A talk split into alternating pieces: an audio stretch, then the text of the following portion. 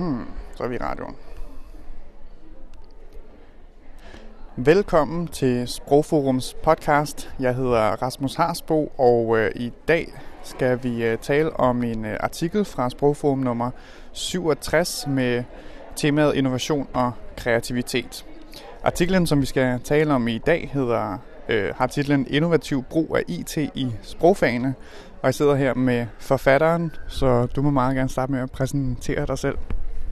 Jeg hedder Bente Meier. Jeg er lektor ved øh, Aalborg Universitet i København. Og øh, du må egentlig gerne bare starte med at fortælle lidt om, hvad din artikel går ud på i korte træk. Jeg forsøger at skrive noget om det her med, hvordan vi kan forstå innovation eller forandringer i undervisningen, især i forhold til brug af digitale medier. Der er mange, der tænker, at når digitale medier kommer ind i undervisningen, så sker der automatisk innovation, eller så finder der innovation sted. Øh, men hvordan skal vi egentlig forstå den innovation? Den er jo ikke kun knyttet til medierne, den er jo knyttet i høj grad til vores pædagogik og hvad der er, sker i klasseværelset og andre steder selvfølgelig også. Så har du sådan en lille, smart, hurtig definition på, hvad innovation er? Innovation, det ligger jo i, hvad skal man sige, i det pas, i øjet på den, der ser, kan man sige, ikke? Altså fordi, øh, og det er jo det, jeg stiller spørgsmålstegn ved, hvordan er det, man politisk forstår innovation? Altså det kan man forstå sådan, at hvis, hvis digitale medier er til stede i klasseværelser, så sker der innovation. Men innovation er jo også noget, som øh, praktikerne har et blik for. Øh, så hvad innovation er, det er jo i virkeligheden meget forskelligt, alt efter hvem der ser. Ja, det var det, din artikel handler om, så det var også lidt et strengt spørgsmål og kort. Hvad hedder det? Så lad os hoppe lidt ned i substansen. Du øhm, tager udgangspunkt i to begreber i din artikel, enhancement og transformation eller transformation, og peger på, at innovation egentlig kun opstår i transformation eller transformation. Hvordan skal begreberne forstås, og hvad du mener med, øh, med den skældning og den, hvad kan man sige, øhm, understregning af transformation? Det er et forsøg på at sætte nogle begreber på, hvad det her kunne være, fordi det er så svært at se, øh, når der, hvornår der skabes noget nyt, hvis det er sådan, vi får, forstår innovation, eller hvornår der skabes væsentlige forandringer. Så det er en måde at forstå det her på. Og der kan man sige, der kan man kigge på det sådan, at det, man skaber, noget, som ligger i forlængelse af noget, man egentlig plejer at gøre, hvor man bare har nogle digitale medier ind over.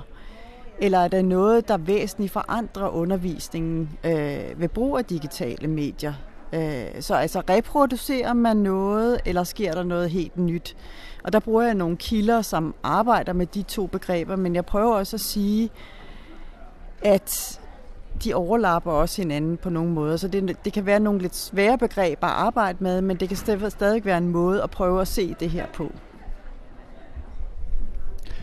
Så altså innovation opstår i transformationen, fordi at, altså det, det er egentlig der, der virkelig sker noget nyt. Det er der, hvor der... Ja, eller hvordan... Jamen det er fordi, man kan sige, at innovation, der skal ske noget noget nyt, noget meget nyt, som ikke har været før. Vi skal opdage noget helt nyt. Øh, og når ting bliver transformeret, så, så forestiller vi os, at der er noget helt nyt. Men ting, det, der sker i klasseværelset, sker jo altid med udgangspunkt i den praksis, der altid har været, fordi lærere og elever vil jo altid øh, tage fat i den praksis, kan man sige. Så det er en videreførelse af praksis i en anden forstand, men det er klart, at det er noget nyt, hvis eleverne begynder for eksempel at tage notater ved hjælp af deres iPad, så kan man jo i hvert fald se det sådan, at det transformerer øh, en, øh, en proces eller en praksis, fordi øh, der sker nogle nye ting, når vi, når vi tager billeder af noget. Så skal vi selvfølgelig ikke bruge lang tid på at sidde og skrive det ned. Læreren og dem, der er i klassen, skal ikke vente på, at, øh, at der er nogen, der skriver færdig, for eksempel, øh, eller andre ting. Øh, plus, at der sker nogle ting omkring medierne. Altså, øh, man erstatter et, et, øh, hvad skal man sige, et skrivemedie med et billedmedie. Øh, så på den måde kan man forstå det som noget, der transformerer. Ja, jeg tror, vi allerede vi har været lidt inde på det her med, at øh, innovation er ikke bare lige med introduktionen af, af nye teknologier og medier osv. Der skal det her ekstra til praksisen, der skal kobles sammen med det, der allerede fungerer og ja, transformere noget osv. Øhm, du bruger det her, øhm, jeg synes, fantastisk øh, begreb, pædagogisk fantasi. Hvordan, hvordan hænger det sammen med, øh, med det her med innovationer og teknologien? Jeg tror nogle gange, man overser, at lærere har nogle vigtige kompetencer i at øh, se på eleverne og forstå, hvad der er vigtigt for eleverne. Øh, og deraf kommer en pædagogisk fantasi. Altså lærere er ikke kun gode til at didaktisere og planlægge, de er også rigtig gode til at improvisere. Øh, og deres pædagogiske fantasi understøttes af det, de ser i klasseværelset. Det understøttes af, at de ser, hvordan eleverne bruger øh, iPads, eller hvad det nu er. Øh, hvordan eleverne bruger det på nye måder, eller lærer på nye måder. Så det er den pædagogiske fantasi, jeg synes, vi ikke rigtig har været gode til at få øje på. Vi taler for meget om didaktik og planlægning, og for lidt om improvisationer for eksempel, og hvad, de, hvad de betyder for lærerens fantasi.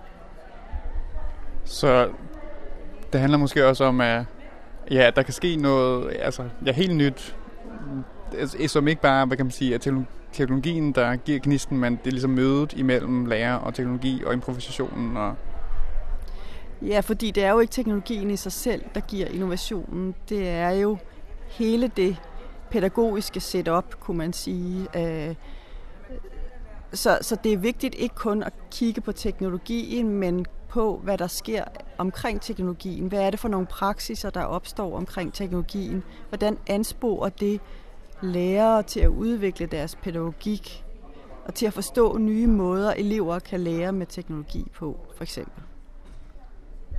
Mange tak skal du have. Velbekomme.